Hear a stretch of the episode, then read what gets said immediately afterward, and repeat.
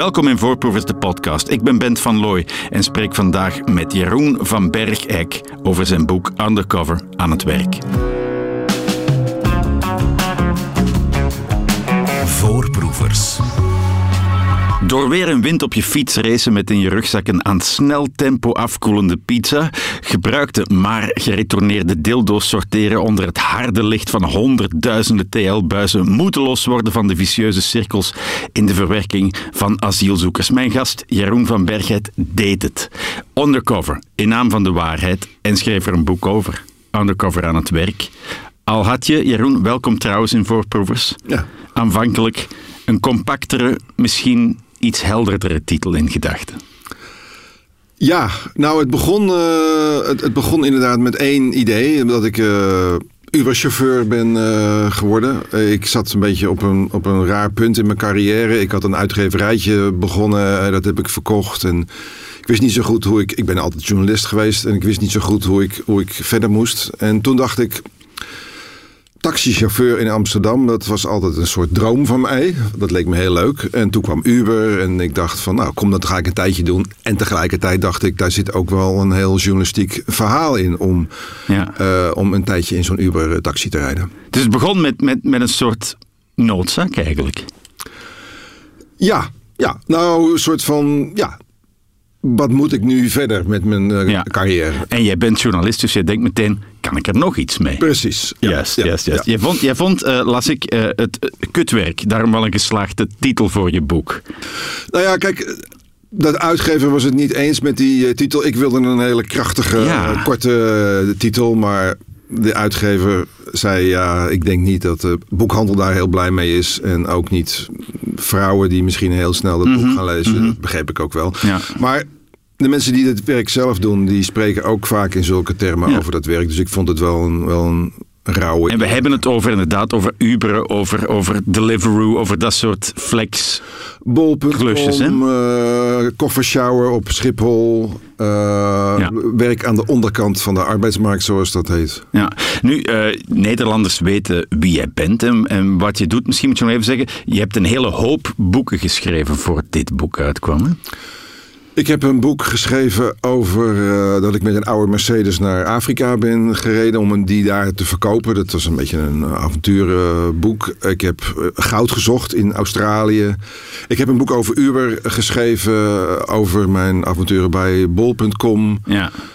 Uh, maar dat waren allemaal ja. goudzoeker, een auto gaan verkopen in de Sahara. Dat, dat waren dingen die, die ja, leuk waren om te schrijven. Dit was iets dat je moest schrijven. Dit boek over, over ja, undercover ja, werken. Ik heb het altijd heel leuk. Ik heb de journalistiek altijd heel een fijn beroep gevonden. Omdat ik uh, mijn excuus geef om nieuwe werelden te ontdekken. En daar mezelf dan in te projecteren. Dus dat deed ik met, dat, met die auto en met ja. dat goud zoeken. En dat doe ik nu. Dat deed ik daarna ook. Maar meer gericht op. Dat was meer human interest, zeg maar. En dit is. Maatschappelijke relevante onderwerpen. Doet natuurlijk denken aan Günter Waalraff, die Duitser die verkleed als de Turk Ali de mistoestanden in Duitse autofabrieken was het? Of, of... Uh, Thyssen, dus de staalindustrie. Juist, en uh, ja, heeft overal uh, gewerkt voor, als, als, als Turkse gastarbeider. En dat was ook heel, van hem uit heel activistisch. Ja. ja. ja. Was dat ook nu het plan voor jou? Nee. Nee, ik, ik, ik, ben, ik, ik zie mezelf als een verslaggever en niet als een activist. Uh, en ik word gedreven door nieuwsgierigheid. Ik vraag me dan af.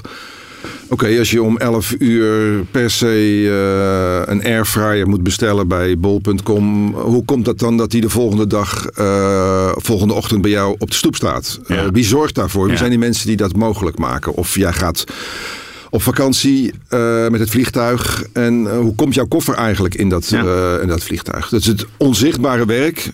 waar we allemaal mee te maken hebben, daar ben ik door, en waar we eigenlijk niet zoveel van afweten, daar ben ik door gefascineerd. Ja, en die fascinatie komt natuurlijk ook van een afstand, want jij bent iemand die in de media werkt met zijn hersenen, met zijn laptop. Ja. Had je eigenlijk ooit, voor je hieraan begon, wel eens zo'n kutbaantje gehad?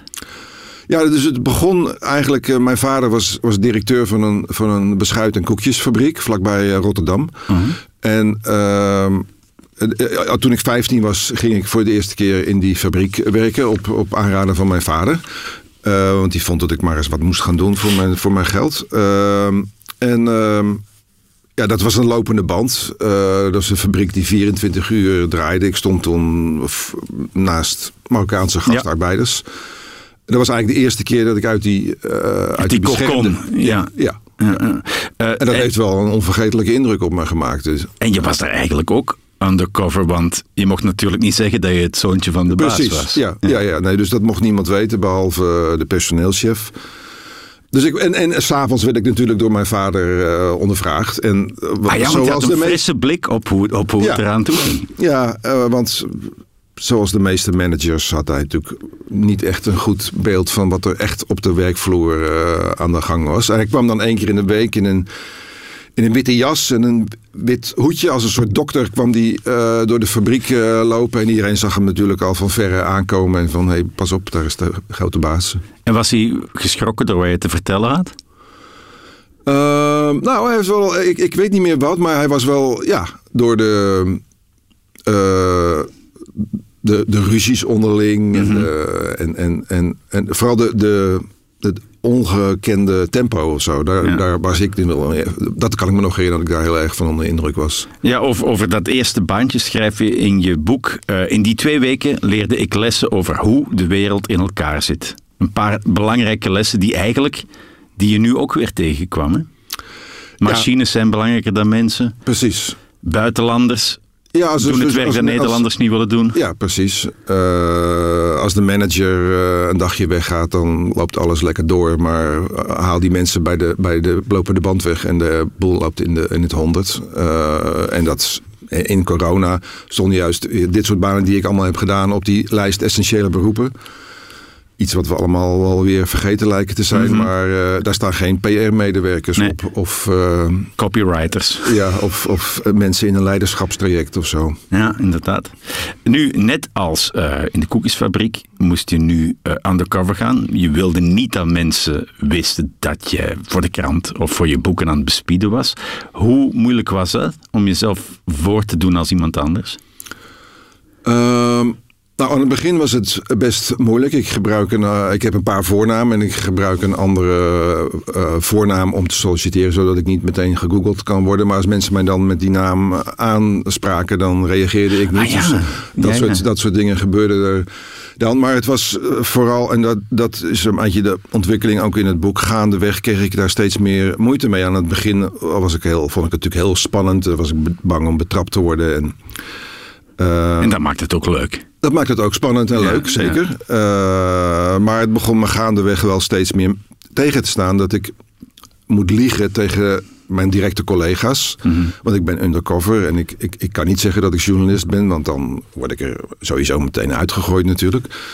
Eh, en, en dat gaf soms frictie. Eh, Vanaf je vrienden begint te worden met iemand, wil je er natuurlijk niet meer tegen liegen. Dan, dan, dan wordt het inderdaad ja, wordt iets het- wordt anders. het- ja, ja.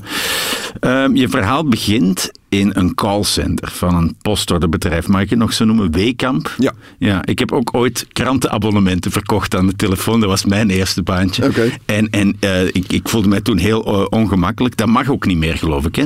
Mensen lastigvallen met, met, met dat soort dingen? Nee, dat, dus dat je gewoon, eh, ja, hoe heet, in het Engels noemen ze dat cold calling. Dat, dat, je, dat Ja. je ze gewoon eh, op. Dat, Ja, Nee. zoals leuren aan de deur, zeg maar. Precies, Ja, ja, ja. ja. Maar goed, jij, jij werkte dus in opdracht van Weekamp. Wat moest je doen?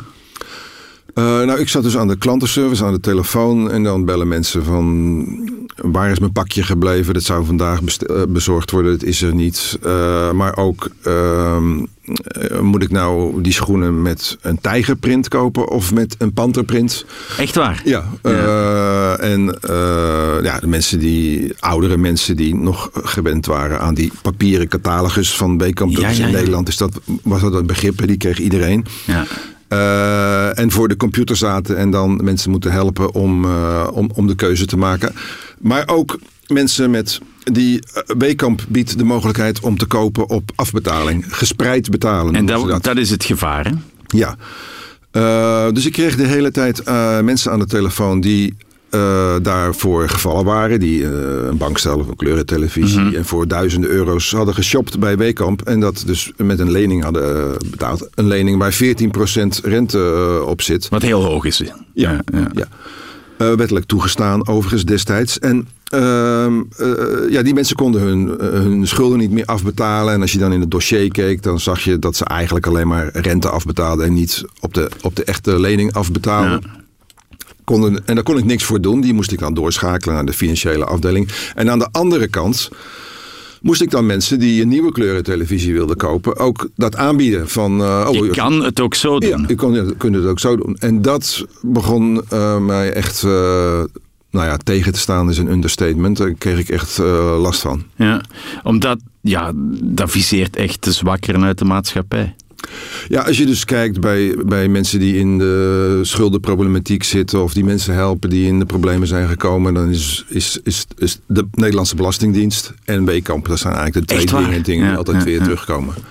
En, en ja, hoe heeft Weekamp gereageerd op je artikel of op je, op, op je verhaal? Uh, nou, die waren niet uh, blij. Dus nooit is iemand blij natuurlijk. Als ik ongevraagd uh, in jouw huis ga rondneuzen, en dat snap ik ook. hier kwamen advocaten aan te pas. Ja. chique advocaten die dan op het allerlaatste moment, vlak voor de deadline, met, met allemaal eisen komen en zo. Dus ja, ik zou dat wel als intimidatie willen klassificeren. Ja. Maar het werkt niet. Nee, want, want uiteraard is alles uh, tien keer doorgesproken met de Volkskrant. Ik heb mijn zaakjes op orde. Ik zorg dat ik alleen die dingen kan, kan opschrijven die, die, ja. ook echt, uh, die ik zelf heb gezien. Dus, dus ik, en dan, dan, dan gaan we niet meer van koers veranderen omdat er. Heb je bijvoorbeeld het druk is. mensen gesproken met wie je toen werkte? Of, of het iets veranderd heeft, je verhaal? Dat, nou, dit verhaal heeft, heeft iets uh, veranderd. Uh, ik, ik zei al die 14% uh, ja. rente. Nou, dat, dat leidde tot kamervragen. Dat was overigens allemaal bekend, hè, wat ik al opschreef. Maar ik heb het op zo'n manier... Dus dat is het mooie Je van hebt die... het onder de, opnieuw onder de aandacht gebracht. Ja, en de manier, ja. zo'n undercover ding... Dat, dan gaat het meer leven als je het vanuit jezelf kan vertellen. Mm -hmm. um, dus de, de, daar kwamen Kamervragen en dat leidde er weer toe dat de minister van Financiën die heeft ingegrepen op die, die wettelijk toegestane percentage van 14%. Dat is met 2% naar beneden gehaald. Dat lijkt niet heel veel, maar voor mensen die in de schulden zitten, is dat, zijn dat weer een paar tientjes per maand die ze extra te besteden hebben. Ja. En, en dat heeft voor, voor duizenden mensen dan uh, consequenties gehad. En ja, daar ben ik natuurlijk heel trots op. Ja.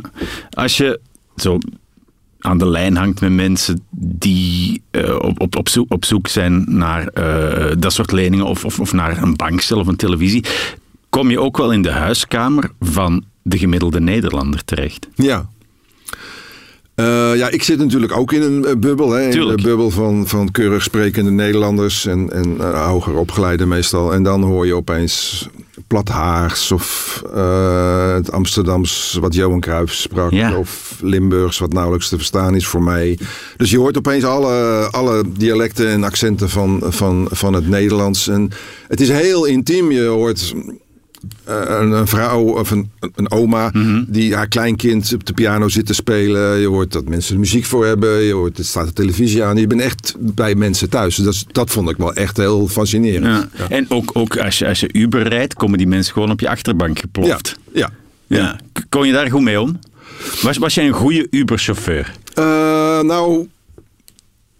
Nou. Want wat moet een goede Uber-chauffeur ja, kunnen? Wat, wat, wat, wat moet die, welke kenmerken moet hij nou, hebben? Kijk, ik had me voorgenomen, omdat ik natuurlijk ook het verhaal uh, wilde vertellen, om met iedere passagier een praatje te maken. Ja. Uh, nou, ik kwam er vrij snel achter dat dat niet echt dat mensen dat niet echt fijn vinden. Uh, Zo'n kwebbelende taxichauffeur. En op een gegeven moment kreeg ik van een, van een Californische zakendame te horen. Can you please shut up and drive? uh, en toen ik dat eenmaal deed, ging ook mijn rating omhoog. Want, want na... dat is belangrijk, hè? die ja. rating. Ja. Hoe, zit, hoe, zit, hoe zit dat systeem in elkaar? Nou, elke keer als je een, als je dus, uh, een klant hebt gehad, dan geeft hij jou een cijfer van, van 1 tot 5. Uh, en die moet ongeveer op 4,7 zitten. En als die daaronder valt, dan krijg je dus allemaal, allemaal geautomatiseerd berichtjes en appjes uh, van Uber van hey, dat, moet, dat moet omhoog, dat moet beter. Uh, en toen ik eenmaal mijn mond hield, of alleen ging praten als ja. mensen tegen mij gingen praten, toen ging opeens die rating ja. ook omhoog. Ja. Oké, okay, maar dus die, die app, ik ken die als gebruiker, best makkelijk, maar mm. ook als chauffeur is die enorm belangrijk. Hè? Je schrijft Ja, dat is dat je leven. je leven. Dat, dat is je leven. Ja. Want je hebt, je, hebt, je, hebt, je hebt geen baas als in een, een mens. Je hebt geen contact. Je hebt geen menselijk contact met Uber. Ik heb daar nooit iemand gesproken in al die tijd dat ik daar eh, was. En nou, je kan wel berichtjes sturen. Als dat je zit te chatten met een webwinkel Ja, of zo. Maar ja. je, krijgt altijd, je krijgt altijd antwoord van iemand anders. Dus het is super onpersoonlijk. Maar die app die vertelt jou op hele subtiele manieren en niet zulke subtiele manieren eh, hoe je je werk moet inrichten. Dus dan beginnen er delen in de stad rood op te lichten. En daar moet je dan naartoe Ja. om, om geld te verdienen. Ja. Dat kan je natuurlijk negeren, maar dan verdien je niks. Eh, er zijn bepaalde uren waarin je moet. Dus Uber spiegelt het voor van.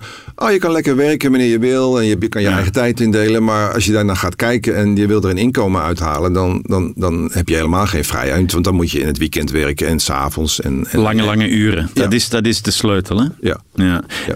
Nu, die, die, die app maakt er ook een soort van videospel van, zou je kunnen zeggen. Dat je, dat je, dat je bepaalde punten moet scoren. Ja, je krijgt badges en, Ja. eh, en, en, en dan krijg je weer complimentjes als je iets goed hebt gedaan. Of, eh, oh, je hebt vandaag eh, maar twintig keer geremd of zo. Dan kan die telefoon, ja, dan kan die telefoon allemaal bijhouden. En, dus het voelt heel vaak als een, als een videogame. Ook bijvoorbeeld die... Bij Netflix dan zetten ze altijd die, die volgende aflevering van de serie voor je klaar. Hè, Zodat je kan eh, blijven bingen. Nou, zo ook.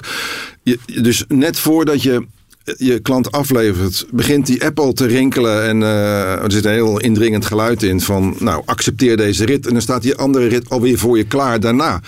En dan, dus dan blijf je lekker bezig. Dus het wordt dus heel erg verleidelijk om maar door te blijven eh, werken. Mhm. Nu, dat gedomineerd worden door die tijdsdruk, door die apps, ja, zowel als gebruiker als als, als eh, werker, dat is, dat is iets waar we het toch even over moeten hebben, die convenience-industrie. In, in, in, in welke mate heeft dat ons, onze maatschappij veranderd, denk je? Ehm, Het klikken om snel iets... iets ja, nou ja, ik denk dan bijvoorbeeld aan die, aan die flitsbezorgers. Gelukkig zijn die weer verdwenen, maar ik vond dat wel... Ik, ik, Ja, dat was raar. Dat was zo eh, Gorillas bijvoorbeeld. ja, Supermarkten waar je niet binnen mocht, maar waarvan alles uitgehaald werd door jongens op snelle fietsen. precies. Ja. Ja. En die dan binnen 10 minuten die bo- boodschappen bij jou bezorgd worden. Nou, dat werd, tijdens corona en vlak daarna werd het een enorme hit hier in Amsterdam. En Antwerpen ook, hè? Ja. Ja, wat, wat ik zag als, als, als, toen ik dat zelf deed, was de, mijn collega's waren allemaal jonge mensen. Eh, veel arbeidsmigranten uit Spanje en Italië. En die naar Amsterdam waren getrokken omdat ze eh, thuis niet goed konden, geen baan konden vinden. Maar ook de vrijheid van Amsterdam. Dus ik voelde me wel verbonden met die mensen. Maar woonden in de slechtste buurten van Amsterdam en verdienen natuurlijk heel weinig. En die eigenlijk de lifestyle van, van hun generatiegenoten eh, mogelijk moesten maken. Die in chique appartementen in Amsterdam eh, wonen. En, eh, dus het was heel erg een soort van bediende cultuur ontstond Ja. er eigenlijk. En ja, ik vond dat zo ontstellend dat je... Mensen kijken je niet aan als je boodschappen komt bezorgen. Of hebben helemaal geen kleren aan. Ze doen inderdaad Ja, zonder alsof, alsof je geen mens bent. Precies. Ja. Ja. alsof, het, eh, alsof je er niet bent eigenlijk. Je bestaat eigenlijk niet. En dat merkte ik ook in Amsterdam als je bij het stoplicht. Nou, als je dan meestal kijk je iemand aan, dan krijg je, krijg je wel oogcontact Ja. of zo op de fiets. En op, als je zo'n uniform aan hebt, dan, dan is dat opeens anders. Ah, ja. Je hebt wel. Een soort Ja, onzichtbaarheidsman. je hebt wel contact met, met andere flitsbezorgers, Ja. krijg je opeens een band. Eh, maar mensen uit de buurt, de buren en vrienden, die zagen mij ook heel vaak niet. Omdat ik zo'n... eh, Die je anders wel zouden toezwaaien. ja, ja, ja. ja. dus je bent een soort van onzichtbaar, je bent een soort behang van de stad eh, geworden.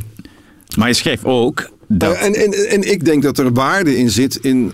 Dus dat soort bedrijven willen overal de frictie uithalen. hè. Dus, eh, en zo efficiënt mogelijk. ja, en, en de frictie in dit geval is dan dat je je deur uitstapt, dat je vijf minuten loopt. Want in, in de grote stad is altijd een supermarkt in de, de buurt. En dat je, nou, dat je je eigen boodschappen uitzoekt. En dat je dan eh, naar de kassa en nog even contact hebt. met, met, in de supermarkt is nog een van de weinige plekken waar je iedereen tegenkomt. Dus dat moet er ook. Dat, maar daar zit waarde in volgens mij.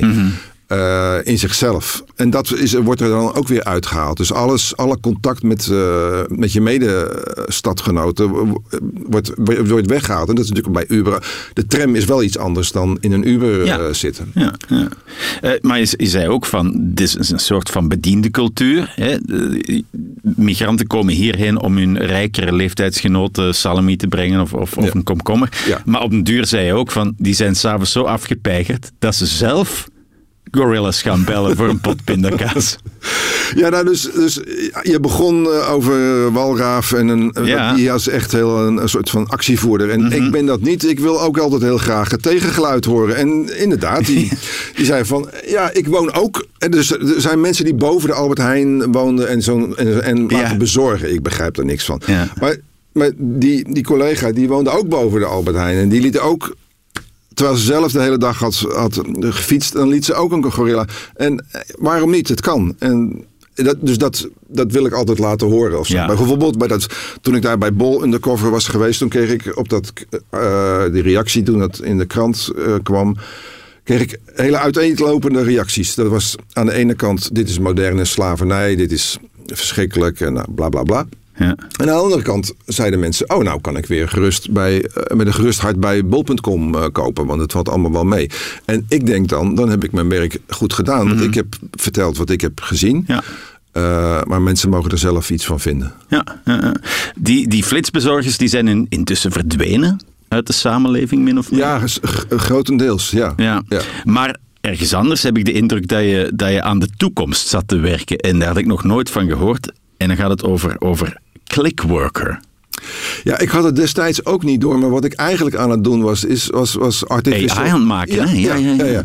Dus ik moest heel veel foto's bekijken en dan eh, bijvoorbeeld een hondje. En dan moest ik de oortjes aanklikken en het snuitje. Ik moest ook heel veel nou ja, porno bekijken eigenlijk. En dan moest ik aangeven waar de vagina zich bevond of de Ja. tepels. Dan moest ik allemaal aanklikken. Dat soort, dat was eigenlijk gewoon eh, facial recognition en dat, dat soort eh technologie. Maar je zegt, na 1 minuut en 20 seconden heb ik mijn opdracht uitgevoerd en 3 dollarcent verdiend. Ja, dat is, was dus echt zo ontzettend. Daarom heet het clickwork. Dus je wordt per klusje betaald. Dus je moet een, soms een bonnetje, een, een kassabonnetje overtypen. En, en dan krijg je ja, een paar, cent Ja. voor eh, betaald. Maar wie doet dat, vroeg ik mij af. Nou, dat vroeg ik mij dus ook af. Ja. Eh, ik dacht van ja, maar waarom zou je dit doen? Want je kan ook, het zijn vooral Amerikanen, maar eh, ja, je kan ook bij de McDonald's gaan werken en dan verdien je beter. Nou, dat zijn mensen die, nou bijvoorbeeld het moeilijk vinden, eh, in sociale interactie Ja. moeilijk vinden, of die het voor beer money eh, doen, dus die zich s'avonds vervelen en dan een beetje te gaan zitten doen. Het zijn ook mensen die, ja, wij noemen het dan altijd met een afstand tot de arbeidsmarkt. Dus mensen die in een gewone baan niet functioneren, ex-verslaafden of Ja. eh, mensen die heel lang werkloos zijn geweest of eh, een ziekte hebben gehad of zoiets. En, en, en op die manier weer een beetje terugkomen in het arbeidsproces. Dus wat dat betreft was, het, eh, was ik er best positief over. Als je het wil, als je het doet om er een inkomen uit te, te halen, dan is het. eh, Waanzin. ja, ja, ja. precies. Eh, we hebben het nu gehad over die service-industrie. Maar je bent ook andere klusjes gaan doen die mensen niet graag doen, namelijk in de zorg. Ja. En dat is een heel ander verhaal. Ja. Als je daar undercover gaat. Want dan speelt ook nog meer dat vertrouwen mee, denk ik. Ja, nou daar, daar, daar werd ik betrapt. Eh, en, dus, en daar was ik ook vrij snel eh uitge... Dus en toen werd ik ontslagen eigenlijk. Eh, wat ik jammer vond, maar... ehm, eh, Wat, en- wat was het verschil voor jou om, om in die twee takken te werken? Hè? Om de- iets, iets bezorgen. Nou ja, kijk, huis is ik- nog iets anders dan een, dan een bejaarde wassen of zo. Ja, nou dat heb ik overigens niet gedaan. Ja, maar- maar er- zijn twee, twee manieren eigenlijk van... ga ik undercover om, om te laten zien hoe zwaar het werk is... of wat de arbeidsomstandigheden zijn... of ga ik undercover om te laten zien wat daar nou eigenlijk Misloopt, gebeurt. ja, ja, en, ja. en dus ik heb ook in het... In Ter Apel, in ons as- grote asielzoekerscentrum in, in het noorden van het land eh, gewerkt. En dat was ook niet zozeer om de arbeids... want ik heb nog nooit zo'n luizenbaantje gehad als daar. Maar meer om te laten zien, dat was de tijd dat er allemaal mensen buiten lagen en dat, er, dat de, hele keten nog verstopt was, de asielketen verstopt was geraakt. Nou, en daarbinnen trof ik een soort ja, ambtenarencultuur aan, waarin, er, waarin ik weinig gevoel voor urgentie op dat moment eh, ontdekte. Ja. Dus Ja. dat is een andere manier van undercover gaan. Ja. Wat, wat neem je mee van die twee bedoel, Ik zeg nu twee ervaringen, het zijn veel meer ervaringen, maar, maar het zijn toch twee heel verschillende dingen die je doet. Ja, Eh, ik denk dat de methode het best werkt als je echt het zware werk zelf doet en het kan laten invoelen, dan Ja, als het echt door jou verteld wordt. Precies, Ja, ja. Eh, nu, je hebt die dingen uitgebracht. We hadden het daarnet al over dat er kamervragen zijn gesteld naar aanleiding van je verhaal. Eh, je, je, je zegt van ja, eindelijk eh, krijg ik de erkenning waar ik heel mijn leven van gehoopt had. Ik zit in talkshows, mensen zijn geïnteresseerd in mij. En uiteindelijk was het dat ook niet. Nee, nou, er, er- gebeurden toen een paar dingen. Er gebeurde. Ik be- begon steeds meer weerstand te voelen. Kijk, wat is het probleem van, van undercover journalistiek eigenlijk? Mag je liegen om de waarheid te zeggen? Dus mag je je anders voordoen Ja. met, met het doel om te laten zien wat daar nou echt gebeurt? Dat is een dilemma waar ik niet uitkom. Ik vind dat je niet moet liegen. Maar soms moet je liegen. Nou ja, dus dat, daar blijf ik altijd tussen de. Ja, dat is een dilemma waar ik niet uitkom. Maar wat mij persoonlijk wel eh, zodanig begon op te breken, omdat ik wel eens vervelende reacties kreeg, maar vooral omdat, het me, eh, omdat, het, omdat ik in gewetensnood kwam. Want ik wil dat niet meer wilde om te liegen tegen mensen, om anders voor te doen dan ik, dan ik ben. En ik merkte dat ik er beter in weet en dat vond ik ook eh, verontrustend. Ja. Dat het me steeds makkelijker afging. Ehm, tegelijkertijd eh, raakte ik persoonlijk daar, eh, ging het, eh, raakte dat verweven met mijn persoonlijke eh, leven. Dat, Je dacht het te kunnen scheiden. ik dacht het te kunnen scheiden Ja. en dat kon ik niet. Ja. Of tenminste, het begon allemaal door elkaar heen te lopen. Ik raakte daardoor, dus ik, met, met liefdesrelaties liep het heel vaak mis. Waarin ik een beetje aan de zijlijn stond te kijken en mezelf aan het observeren was zonder echt in het moment of in die relatie te zijn. En dat begon allemaal door elkaar heen te lopen. En ik raakte in een depressie eigenlijk. En toen, toen ben ik daar, eh, dus ben ik gestopt en dan ben ik dat boek gaan schrijven. En eh, nou, dat duurde een tijd voordat ik daar uitkwam. En, eh, en nu denk ik dat ik het weer beter kan scheiden. Ja. ja. Dat is even een hele korte samenvatting. Nee, dus, het is, maar, maar het, het, het boek was belangrijk om jezelf ook weer terug te vinden. In, ja, om, in om, op een rijtje te zetten van wat heb ik nou eigenlijk Ja. allemaal gedaan in die Want het wordt wel een heleboel, hè? Als je al, al die, Ja. die mensen met wie je werkt, al die, al die klussen die je doet, Ja. al die, ja, al Het zijn die, nou best een hoop verschillende banen en het is zwaar werk en, en het, het is stressvol, want je, nou ja, je moet dus liegen, maar je hebt eigenlijk ook twee banen tegelijk. En je moet dat werk, wat ik dan altijd zo goed mogelijk eh, wil doen, en tegelijkertijd ben ik Ben aan het schrijven en ben ik natuurlijk aan ja, ja, eh, ja. opletten. En, het, Hoe deed je dat? Nam je iedere avond notities na het werk? Eh, nou, waar het kon, ging ik heel vaak naar de wc bijvoorbeeld. En dan maakte ik dan snel aantekeningen. En aan het eind van de dag werkte ik dan allemaal eh, uit. Maar heel vaak eh, ja, moet je je telefoon inleveren of zo. Dus dan moet je ja, het allemaal in je hoofd proberen te houden. En aan het eind van de dag dat dan heel snel weer, weer opschrijven. En, en dat verwerken. En als je dat niet doet, dan, dan, dan vergeet ik dat. Althans vergeet het dan. Welke kant gaat het uit met die hele convenience-industrie? Nou ja, elke keer als er weer een nieuwe start-up komt die, die, wil, hè, die, die dingen wil doorbreken en die het allemaal anders wil doen, dan is een van de dingen die, waar ze zich op focussen dat ze het nog makkelijker voor Ja, ons ja. willen maken. Dus dat het nog meer tijd oplevert. Maar die tijd die je vervolgens dan wint, ja, die, die, dan moet je toch weer harder gaan werken. Dus het is, het is een soort van red race waar we volgens mij helemaal niks mee opschieten. Ja. Heeft het, jou, heeft, heeft het jouw leven ver- veranderd? Maak je er geen gebruik meer van? Of, of, of ben jij bewuster gaan leven? Ehm, nou, op sommige vlakken wel. Ik, ik, ik vertel altijd iedereen dat ik Uber een heel immoreel eh, bedrijf eh, vind. En ik zit zoveel mogelijk op de fiets en maak zo min mogelijk gebruik van. eh, ik heb niks tegen Uber-chauffeurs overigens. Nee. Maar, eh, maar ik bestel nog wel bij bol.com. Maar bij Wekamp zou ik nooit, eh, zou ik nooit meer kopen. Dus ik, ik, ik heb zelf wel, eh, wel, wel. Maar nogmaals, mensen moeten op basis van wat ik ze laat zien. Zelf hun beslissingen nemen. Ja, ja, ja. Ja, Nee, maar ik wou weten hoe het, hoe het jouw leven veranderd had. Of je, of je relatie met je telefoon bijvoorbeeld veranderd is. Nou, net als bijna iedereen heb ik ook een, een problematische relatie met mijn telefoon. Dan Ja. zit ik daar veel te veel eh, op. Eh, dus ik weet. Ja, ik kijk wel een hele simpel dingetje. Bijvoorbeeld.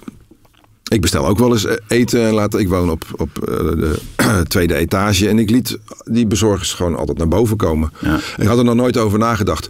Tot ik dat zelf moest gaan doen. Met die zware rugzak drie trappen omhoog. En er waren, ik zag ook mensen die kwamen gewoon naar beneden. Ja, kan Eh, ook. Kan ook. Ja. ja. Dus dat doe ik sindsdien. Oké, oké, mooi. Kijk, als het, dat, als het dat al is, dan is de wereld een klein Ja. beetje mooier. Eh, je richt je in dit boek, eh, schrijf je tot, tot jouw mensen, theoretisch opgeleide Nederlanders. En je, je schrijft ook ergens van, stiekem hoop ik ooit nog eens een boek te schrijven waarin ik het omdraai. Waarin ik undercover ga in de Tweede Kamer of, of, of Ja. de hoofdkantoor van, van advocaten op de Zuidas of wat dan ook.